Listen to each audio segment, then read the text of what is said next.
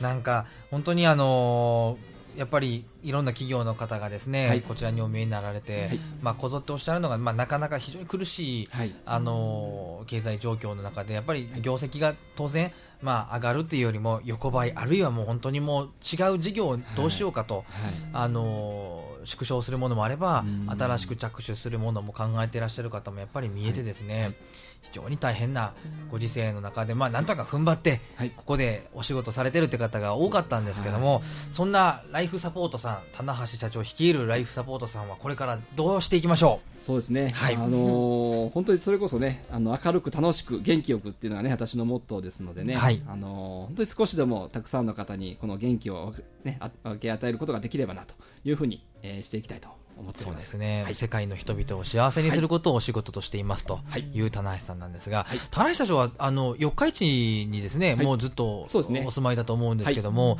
どうですかね、この四日市っていう街をですね、はい。ご覧いただいてて、そうですね。私四日市大好きで。はいはい、はい。大好きなんですよ、まあ、確かにねその私が子供の頃はね一番街がすごく栄えててあもう人と人とぶつからないとまっすぐ歩けないっていうのがそんなだけあるんですね。えー一番街今はね本当に人がすごく少なくてね寂しいなと思うんですけども。そうですね。でもまあ一方郊外ね目を向けるとすごく郊外も発展してきましたしうん。うん工業もあって、ね、農業も豊かですし、えー結構最近ではトンテキもね元気にああそうですね。やってますんで本当ですねね豚に。の、はい、食べるものも美味しいじゃないですか四日市って。ううんん海のものも美味しいですし山のものも美味しいですし、あすごく住みやすい街だなと思いますけどね。うん。はい。人はどうですかね？はい。まあ、ずっとね私も四日市から出たことなくもないんですけれども、はい。四日市長いですからね。すごく人もあったかいですし。うん。うん。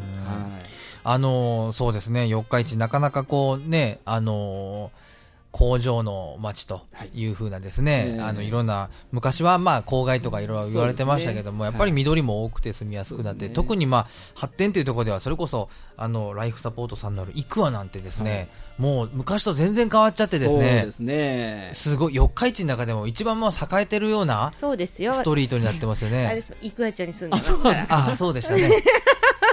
ここだけ噛んで一番発展してますから。なるほどね。ね。行くはすごいですよ大ねおなりましたね。店がねたくさんできましたできましたよええそれこそね。私のねライフサポートがある前なんて道がなかったわけですから、ね。あ、そうですよね。ええ。あれすごいもんですよ。そうですね。あれができたので、ハズとかあっちの方へ行くのもすごく早くなったそうでんですよ。すねなん。かすごいですよね。だからどんどんまあ四日市もまあその姿を変えようとしてるわけなんですけれども、まあぜひですね、その世界の人々を幸せにする仕事っていうのが、イクワの力ですね、はい。えー四日市を通して世界中へと飛びしていただくことをぜひ願っておりますが、あの、この後、棚橋社長にはですね、はい。えーリスナーの方、はい。そして、えー共に働いていらっしゃる方なんですね、はい。えーメッセージをはい。頂戴していきたいと思いますので、どうぞよろしくお願いします。こちらこそお願いします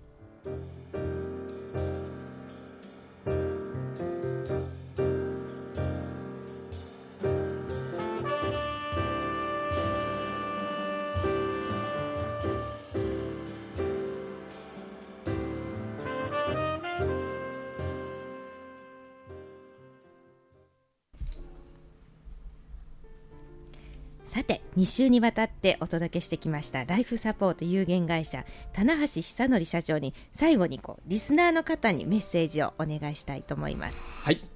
そうですね。やはり、あのーせっかくね、えーこうして、はい。えーいるわけですから楽しく、えー将来に向かってね夢を語り合いながら、えー楽しくライフプランニングをしましょうとお伝えしたいですね。一番やっぱり大事なのは夢でもありますよね,、そうですね、はい、でも最近こう夢を見れないというか、はい。そういう方多くないですか？そうですよね。自分自身もまあ疲れてるというか、はい。機嫌も悪いし、はい。機嫌悪いですか？機嫌悪い人多くないですか？こううねなんていうんでしょう国民みんながこう不機嫌というかはいはいはいはい。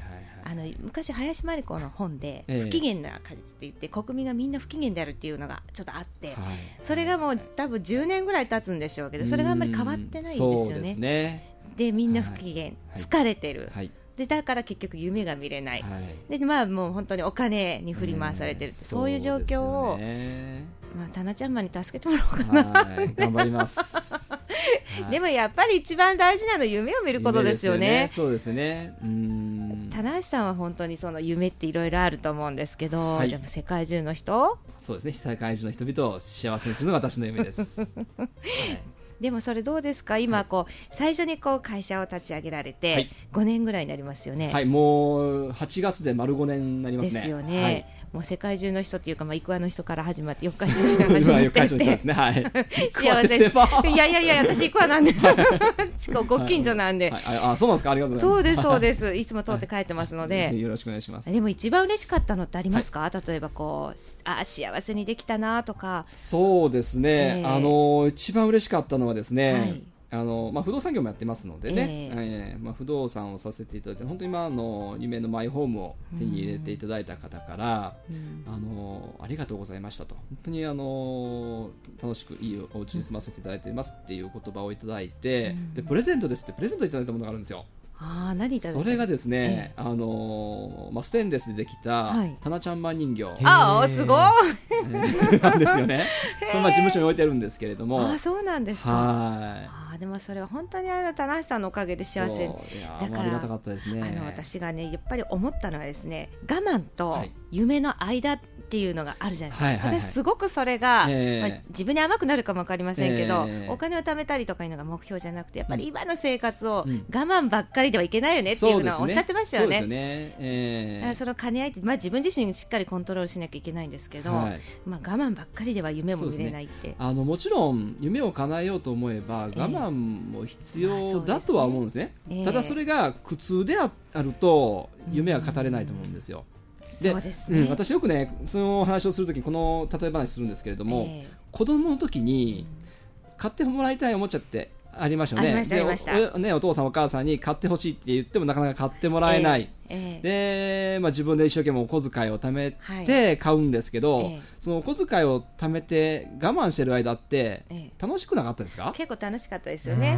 うん。どうですか？確かにそうおもちゃ、ですよね。おもちゃ買ってほしいだから将来の夢が語え、うん語ることができればね今の我慢は楽しくなるんですよ。うん我慢じゃなくなるんでしょうね、そうなんですよきっと。そうなんですよもしかしてこの目標があるからお金をまあ貯めてるっていう。そうですねだから不安だからお金を貯めると今我慢しちゃあうんですけど我慢になりますね。わかるような気がしますね。ですよだから夢をやっぱり語ることが大事かな、まあ、それがやっぱりライフプランのスタートかなって僕は思いますね。ああ、うんどうですか。いやー、すごいいいですね。あの、やっぱり何がいいかなっていうのが一番もう本当に前編後編を通して、その、まあ、社長にお話を伺ってきて、もうすごく印象的だったのが、すごく前向きでいらっしゃるんですよそうなんねで。ありがとうございます。ええはい。振り向いてもやっぱり。夢はありませんから、は い本当ですよね。はい。夢は未来にしかありませんから。うん。これがね、いもうずーっとぶれないんですよ。一変してそこなんですよね。ね。常にやっぱりもうその、まあ前を向いてというか、とにかく夢を語らないと、そね。そのライフプランというかですね、人生設計ってなかなかできないよと、ええこれは確かに本当そうだなと思いまして、勉強になりました。前向きと夢ですね。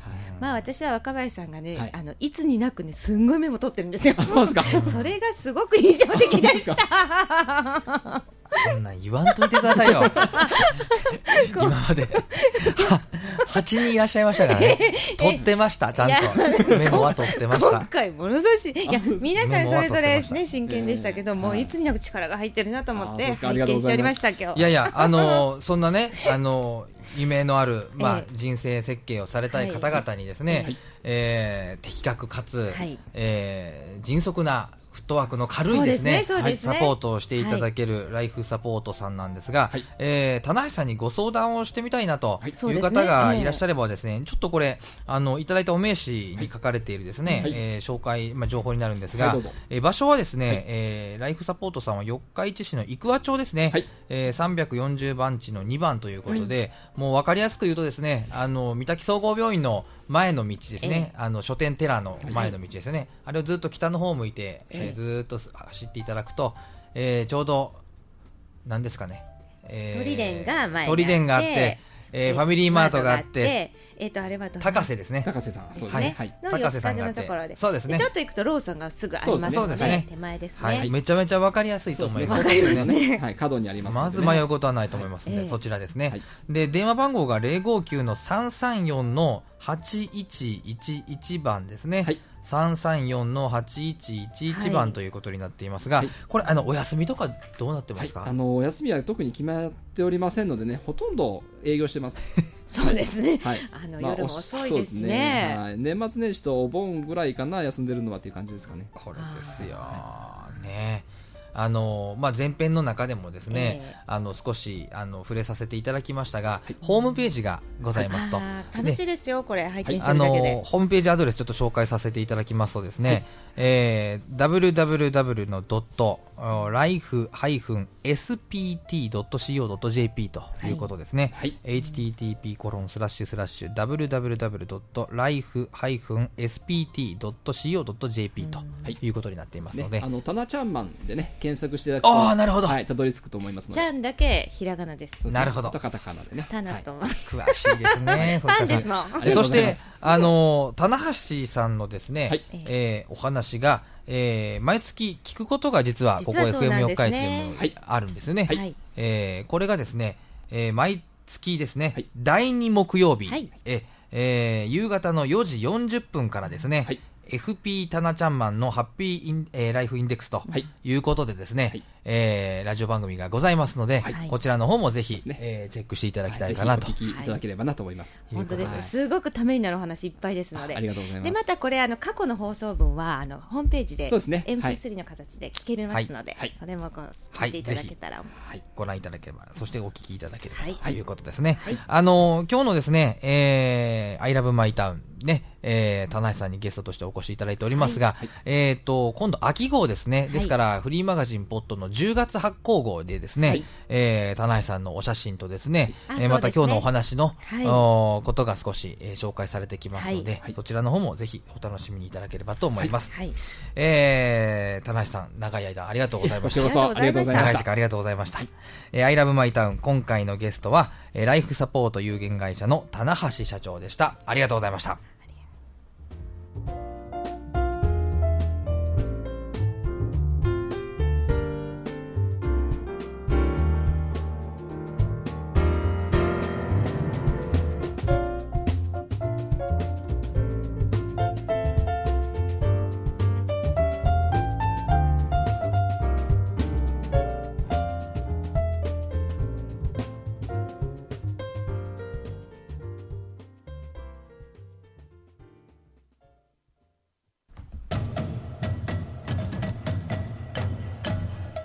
さて、お届けしてきました、I love my town そろそろお別れの時間となります。えー今回の I love my town は、ライフサポート有限会社の棚橋社長をお迎えしてお届けしました。えー来週もですね、また素敵な社長をゲストに迎えてお届けしていきますので、どうぞお楽しみに。I love my town 司会は若林達也と、藤田真理でしたではまた来週まで。